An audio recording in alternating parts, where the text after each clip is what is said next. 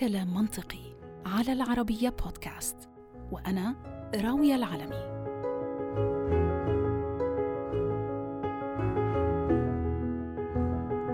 في معرض بحثي الدائم والمستمر عن مواضيع شيقة ومهمة ومرتبطة بواقعنا الحالي قررت ومن شهرين تقريبا أني أضيف موضوع الخيانة الزوجية لقائمة الموضوعات المرشحة للبحث. الحقيقة من وقت ما أضفتها على قائمتي ما قمت بأي بحث لأني ما قررت بعد الوقت المناسب لكتابة مثل هذا الموضوع.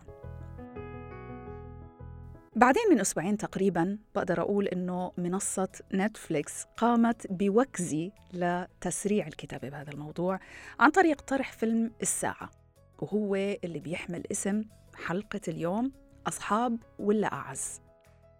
لازم أذكر هون إني شاهدت نفس الفيلم على نفس المنصة بنسخته الفرنسية من شهور قليلة فحبكته بالرغم من بساطة فكرتها إلا إنها ممتعة وشيقة وبتشد المشاهد بالفعل للبقاء أمام الشاشة لإشباع الفضول بمعرفة شو رح يصير. الفكرة هون إنه المواضيع المطروحة بتتنقل ما بين فكرتين الفكرة الأولى هي طبعا الخيانة الزوجية والفكرة الثانية هي المثلية الجنسية. هاي الأفكار مش مستهجنة زي ما كنا بنعرف في الغرب زي ما هي مستهجنة في مجتمعاتنا العربية.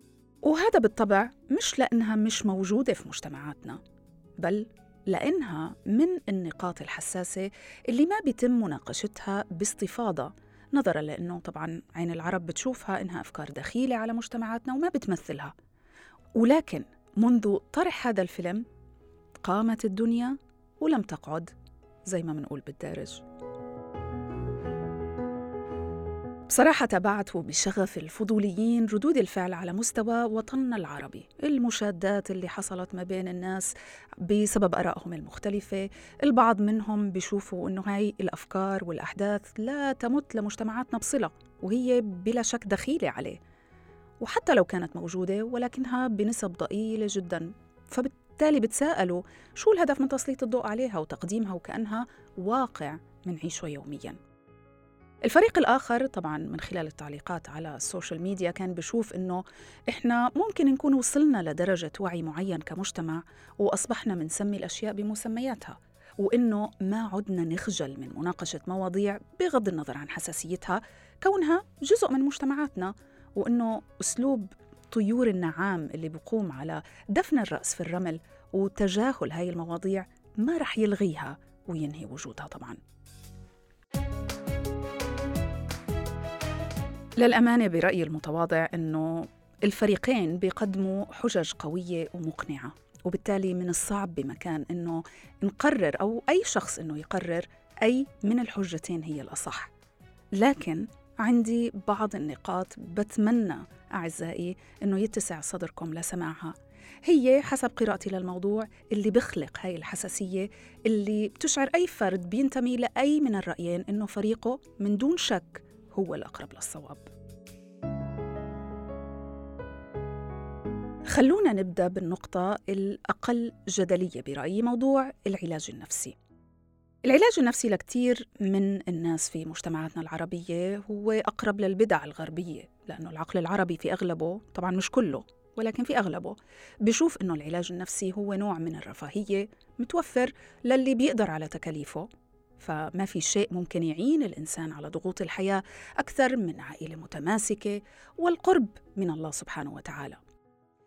ورأيي هو ونعم بالله طبعا ولكن بالرغم من أهمية العائلة والتمسك بالدين إلا أنه العلم أثبت بما لا يدع مجال للشك إنه بعض الأمراض النفسية بتتطلب مساعدة العلم وإنه ما رح يتم حلها من دونه.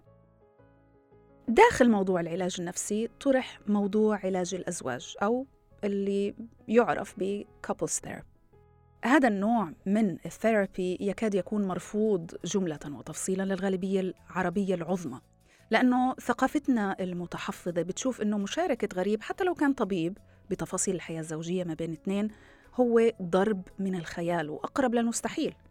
ولكن أعزائي في حقيقة واقعة أنه نسب الطلاق عربيا هي ما بين 35 ل 45% في المتوسط بمعنى أنه ثلث الزيجات العربية في المتوسط بتنتهي بالطلاق. طيب ألا تستحق هاي النسبة محاولة منا لتحريك ما هو راكد وتجربة طريقة جديدة للحفاظ على هاي اللبنة الأساسية لبناء المجتمعات وهي العائلة؟ فبالتالي إذا حل هاي المشكلة بتطلب إنه ننشر كما يقال بالدارج غسيلنا الوسخ قدام الناس فأعتقد إنه الموضوع بيستاهل برأيي المتواضع على الأقل. لكن سؤالي هون هو أليست المشاكل النفسية هي مشاكل وأمراض شأنها شأن الأمراض العضوية؟ ما منردد باستمرار إنه الضرورات تبيح المحظورات؟ تخيلوا هذا المشهد معي لما نكون في مكان ما مثلا ويدخل شخص رجله مكسورة أو إيده مكسورة ما منسارع لمساعدة هذا الشخص فتح الباب لإله أو إعطائه الكرسي اللي إحنا جالسين عليه لحتى نريحه ويستطيع إنه يجلس؟ طيب ليه منقدم على مساعدة شخص مشكلته أو مرضه واضح وبياخد منا تعاطف كبير بينما شخص آخر مشكلته أو مرضه غير واضح زي الأمراض النفسية؟ ما بياخد تعاطف؟ ما بيستاهل ويستحق العلاج؟ فكروا فيها أعزائي.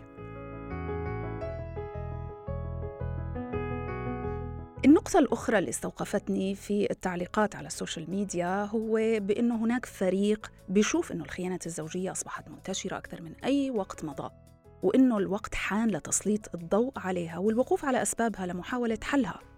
شخصياً أنا ما بعتقد بأنه النسبة ارتفعت بهذا القدر ولكن برأيي الشخصي أنه وسائل التعرف على هاي الخيانات والكشف عنها وسهولة نشرها للعلن عن طريق وسائل التواصل الاجتماعي هو اللي بخليها تبين وكأنها أكبر بكتير مما هي عليه.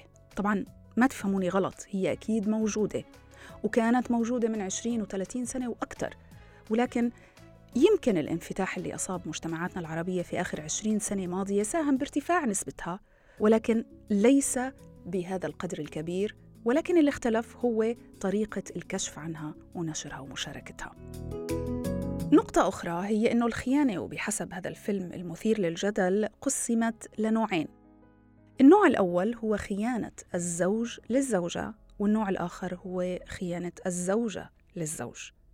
للأمانة أنا كإنسانة لا أرى أي فرق بين الاثنين. كلاهما خطأ يتساوى ضرره بغض النظر عن جنس من يقوم بهذه الخيانة أو هذا الخطأ. مع أني أتفهم أنه اجتماعيا غير مستغرب أنه نسمع عن رجل بيخون زوجته ولكن طبعا معاذ الله أنه نسمع عن امرأة بتخون زوجها طيب أليست الخيانة هي نفسها؟ ألا تحمل نفس الضرر من حيث خراب الزواج وخراب العائلة؟ ألم يقل الله سبحانه وتعالى الزانية والزاني وما فرق بالعقوبة بين الاثنين؟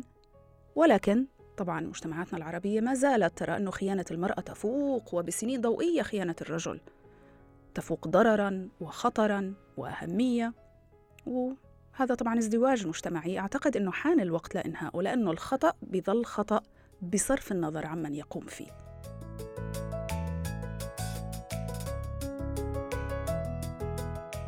النقطة الثالثة هي الأب الكول زي ما بنقول بالعامية.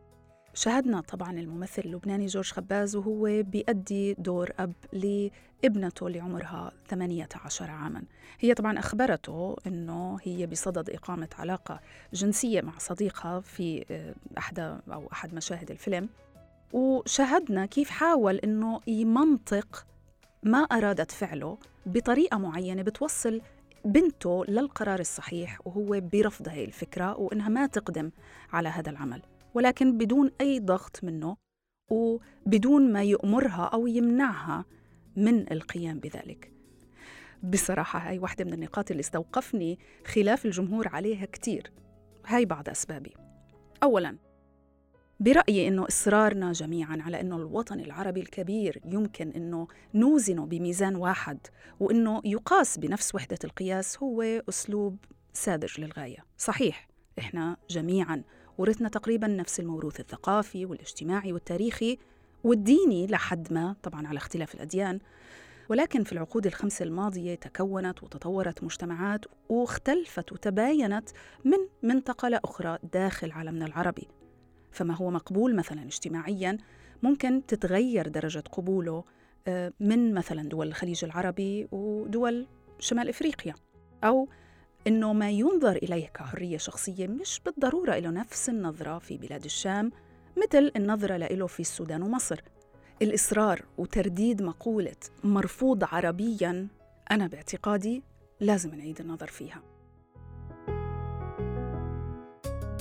السبب الآخر اللي استوقفتني آه، تعليقات المختلفين في الرأي على social media حول هاي النقطة تحديداً من الفيلم آه، هو إنه أعتقد أنه فعلا هناك طبقة وإن كانت صغيرة للغاية هي بتفكر بنفس عقلية آه، الشخصية اللي لعبها جورج خباز سواء كانوا آباء أو أمهات هن بيشوفوا أنه الانفتاح الاجتماعي بيدفع أبنائنا وبناتنا لمواجهة ظروف ممكن تطرح عليهم هذا السؤال هل ممكن أني آه، أمارس علاقة حميمية مع شخص آخر خارج إطار الزواج؟ تبرير هاي الطبقة تكمن في أنه هذا الأسلوب هو باعتقادهم الأوفر حظاً لمنع هؤلاء الشباب من الوقوع في الخطأ وأنه أسلوب سك على بناتك أو حتى على أولادك ما عاد يجدي. نظرا لأنه الحياة العصرية بتفرض على الشباب قضاء معظم يومهم خارج المنزل بدون أي رقابة وهي طبعا فرصة لأنهم يعملوا اللي بدهم إياه. إذا من الأفضل أنه نفوز بهذا النقاش عن طريق المنطق والإقناع لأنه القوة والإجبار هي نصر مؤقت وهي مسألة وقت فقط لا غير لمنع ما سيحصل إذا لم يفهم الشباب لماذا يصر الأهل على مدى الخطأ الذي سينتج عن مثل هذا الفعل. المشكلة أنه الفريق الآخر برفض الفكرة في الغالب لأسباب دينية ومعهم الحق طبعا في ذلك ولكن مش كل الأسر متدينة. ولو نظرنا حولنا رح نلاقي كتير من الناس المتواجدين في محيطنا الاجتماعي يا إما غير متدينين أو حتى البعض منهم لا دينيين. ممكن يكونوا نسبة ضئيلة بالفعل ولكنها نسبة موجودة. وبعدين شو التهديد اللي ممكن تشوفه هاي الأسر من فيلم مثل هيك؟ أليس من المنطق الافتراض أنه اللي أنشأ أبنائه وبناته نشأة دينية قوية ليس لديه ما يخافه؟ أليس من المفترض أنه هاي النشأة الصحيحة للأبناء تمنعهم من حتى مشاهدة فيلم مثل هيك ناهيك عن ممارسة ما يطرحه هذا الفيلم. وبالنسبة للفريق الآخر اللي بشوف إنه الإقناع وعدم إجبار أبنائنا وبناتنا على أي شيء هي الطريقة الأمثل يا ترى شو كان ممكن يكون موقف الأب لو بنته ما اختارت الخيار الصحيح مثل ما يتمنى.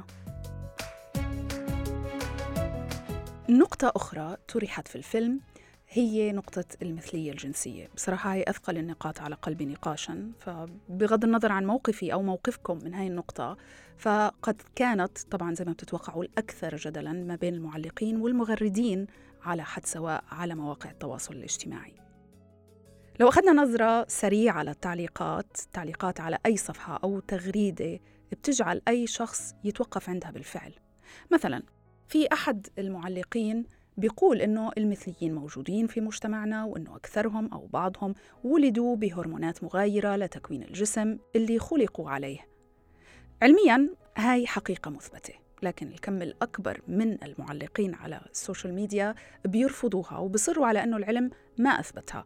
وما أثبت أي أمر مثل ذلك. طبعا هذا شيء مقلق لأنه باستطاعة أي شخص بوضع نقرات على لوحة المفاتيح أنه يوجد مئات الدراسات اللي بتثبت ذلك. البعض الآخر علق وقال بأنه المثلية الجنسية بالكاد موجودة بمجتمعاتنا. لكنها بالفعل موجودة وإن كان ظهورها أو تأثيرها غير واضح فهذا ليس بسبب انعدام هذه الظاهرة بقدر ما هي مرتبطة بمدى شراسة الرفض المجتمعي لها. وطبعا هناك الكثير من المعلومات المغلوطة من الطرفين عند مناقشة هذا الموضوع. ولكن مرة أخرى وبغض النظر عن موقفي من المثلية الجنسية فلسنوات دار في ذهني بعض الأسئلة متعلقة بهذا الموضوع.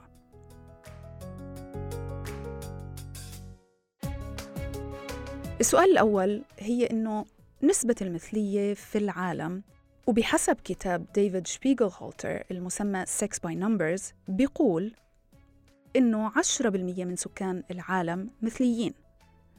للأمانة أنا ما قرأت الكتاب ولكن هذا ما وجدته أثناء البحث. وسؤالي هو طيب أليس هناك الكثير من القضايا الملحة في العالم بتمثل شرائح عددها أكبر من 10% وما بتم تسليط الضوء عليها بهذا الشكل؟ هل هناك نوع من أنواع الترويج الإعلامي للمثليين وخصوصا في الغرب عم نحكي وإذا كان هناك ترويج وأجندة لهذا الموضوع طب هو لمصلحة من؟ وأرجوكم ما تحاولوا الإجابة على هذا السؤال بأنه لتدمير مجتمعاتنا العربية لأنه الشخصية المثلية موجودة في ما يقارب سبعة من كل عشر إنتاجات سينمائية أو تلفزيونية كلها شخصيات للمثليين وهي تنشر وبتعرض لكل العالم ومش بس لمنطقتنا العربية فخلونا نخرج شوي من نظرية المؤامرة. إحنا مش المستهدفين أو على الأقل لسنا وحدنا المستهدفين. إذا بالفعل كان هناك أجندة لترويج المثلية الجنسية. السؤال الثاني هو أنه المثليين بشر كغيرهم من البشر. ولكن لماذا تكون دائما الشخصية المثلية سواء كانت ذكر أو أنثى في السينما والتلفزيون؟ وبنحكي في الغرب هون دوما شخصية محببة ورائعة وناجحة وذكية. ما تفهموني غلط.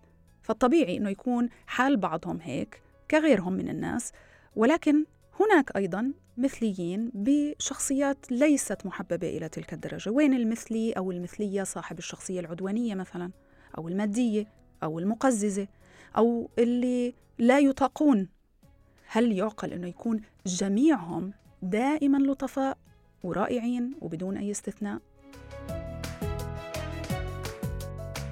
السؤال الثالث حول هذا الموضوع وربما هو السؤال الأهم هو ليش جعلت الأغلبية أغلبية الناس اللي علقوا على هذا الفيلم على آه، مواقع التواصل الاجتماعي جعلوا نقطة المثلية هي النقطة المحورية دون أي نقطة أخرى.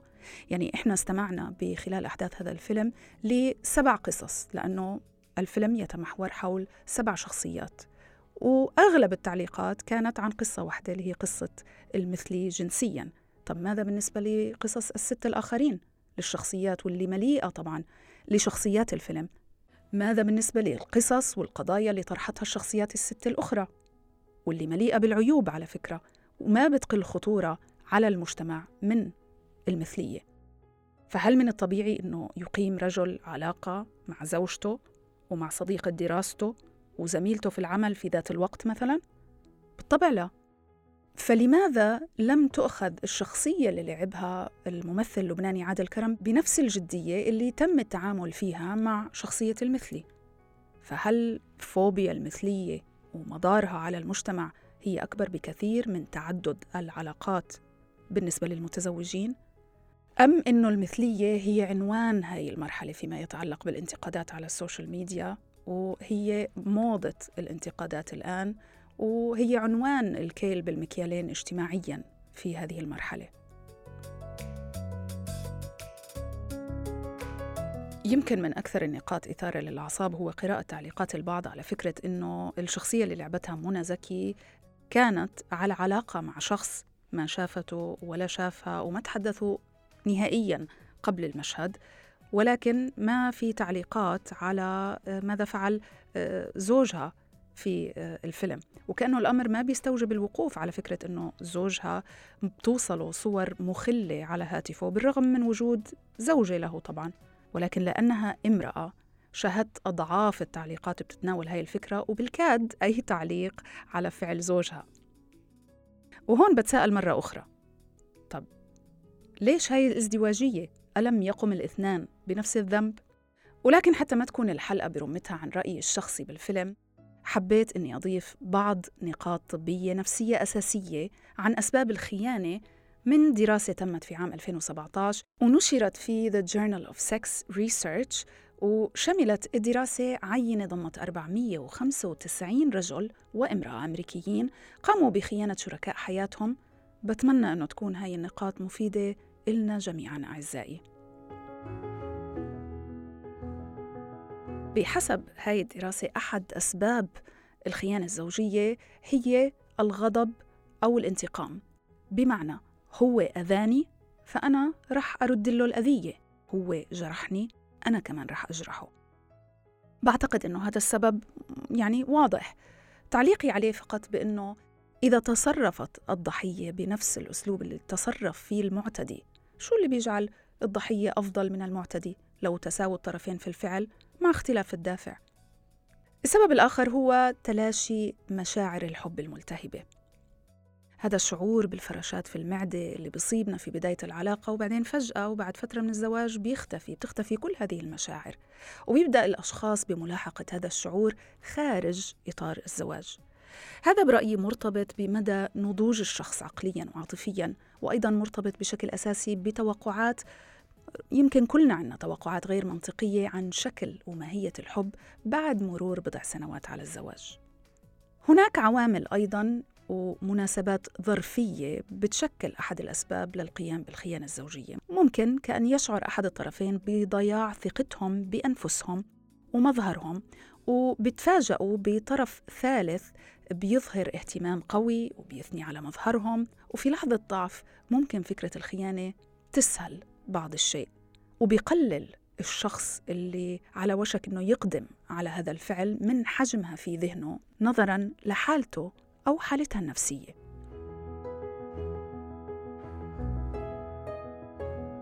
سبب آخر هو مبدأ الالتزام. هاي الفكرة لها عشرات أو ربما مئات التفسيرات ومن السهولة إنه تختلف من شخص لآخر.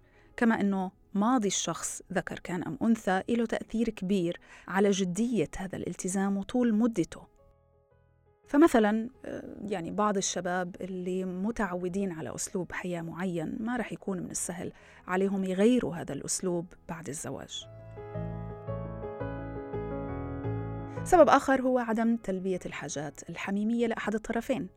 كبشر ممكن يكون الزوجين بيملكوا قدرة ودرجة ورغبة متباينة وبالرغم من إنه الكثير من العلاقات ممكن تكون متوازنة في مناحي الحياة الأخرى إلا إنه من شأن هذا الظرف أنه يدفع أحد الطرفين للبحث خارج إطار الزوجية لحتى يشبع رغباته.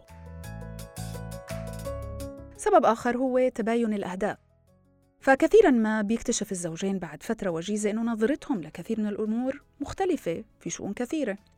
فبيبدأ الخائن بالبحث عمن يمكن أنه يشاركهم أهدافهم ورغباتهم ولكن خارج البيت. ومن نفس هذا البحث وبحسب موقع healthline.com فإنه أغلب حالات الخيانة ما إلها علاقة مطلقا بالطرف الثاني من العلاقة. ولكن وبحسب الموقع فإنه تغلب الزوجين على مشكلة من هذا النوع ممكن يجعل العلاقة أقوى من أي وقت مضى. وعليه فإنه هاي النصائح ممكن تساعد الأزواج على التعامل مع المشكلة في وقتها. من هاي النصائح إنه من حق الضحية مناقشة ما حصل مع الشريك والحصول على إجابات من دون الخوض في التفاصيل. أيضا من حق الضحية سؤال الشريك ما إذا كانت أو كان لا يزال يرغب بالإبقاء على العلاقة الزوجية. أيضا على الضحية سؤال نفسها أو نفسه إذا كان يستطيع الوثوق في الشريك مستقبلا. وأيضا لابد للضحية من سؤال نفسها أو نفسه إذا كان ما زال يريد الإبقاء على هذا الزواج. بينصح الأطباء بالحديث مع مستشاري العلاقات الأسرية لإيجاد طرف ثالث محايد قادر على ترجيح كافة النقاط المختلف عليها.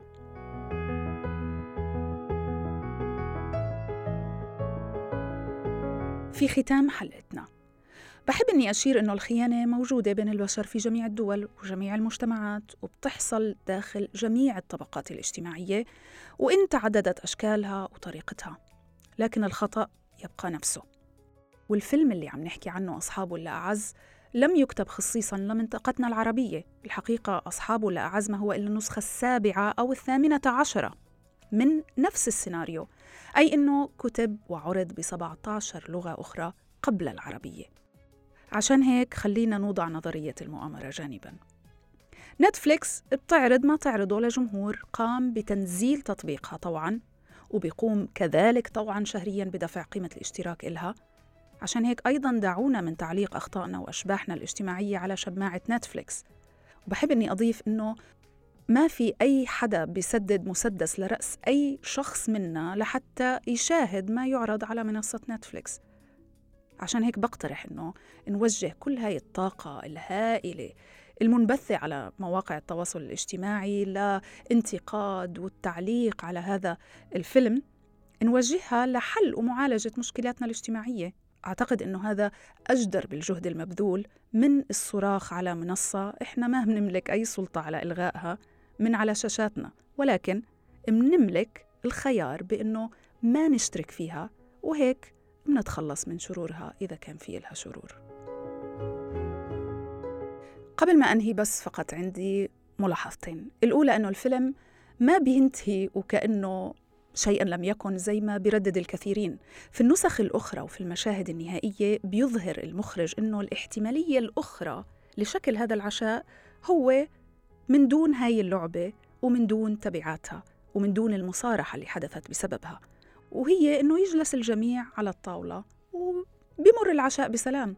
ولكن لسبب ما لم يظهر مخرج النسخة العربية هاي الفكرة بوضوح. يمكن المشهد حذف بالمونتاج.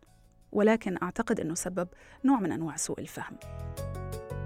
الملاحظة الثانية هي لكل اللي سألوني وأنا بصدد إعداد هذه الحلقة عن الرأي العلمي بمبدأ ديل ما بيتعدلش. آسفة إنه أجاوبكم إنه استنتاجي من كل اللي قرأته إنه بعض هاي الذيول فعلا ما بتتعدلش ولكن البعض الآخر بيتعدل. آه والله. على كل حال هذا كلام منطقي على العربية بودكاست وأنا راوية العلمي أشكركم. ودمتم دائما بأمان بإذن الله.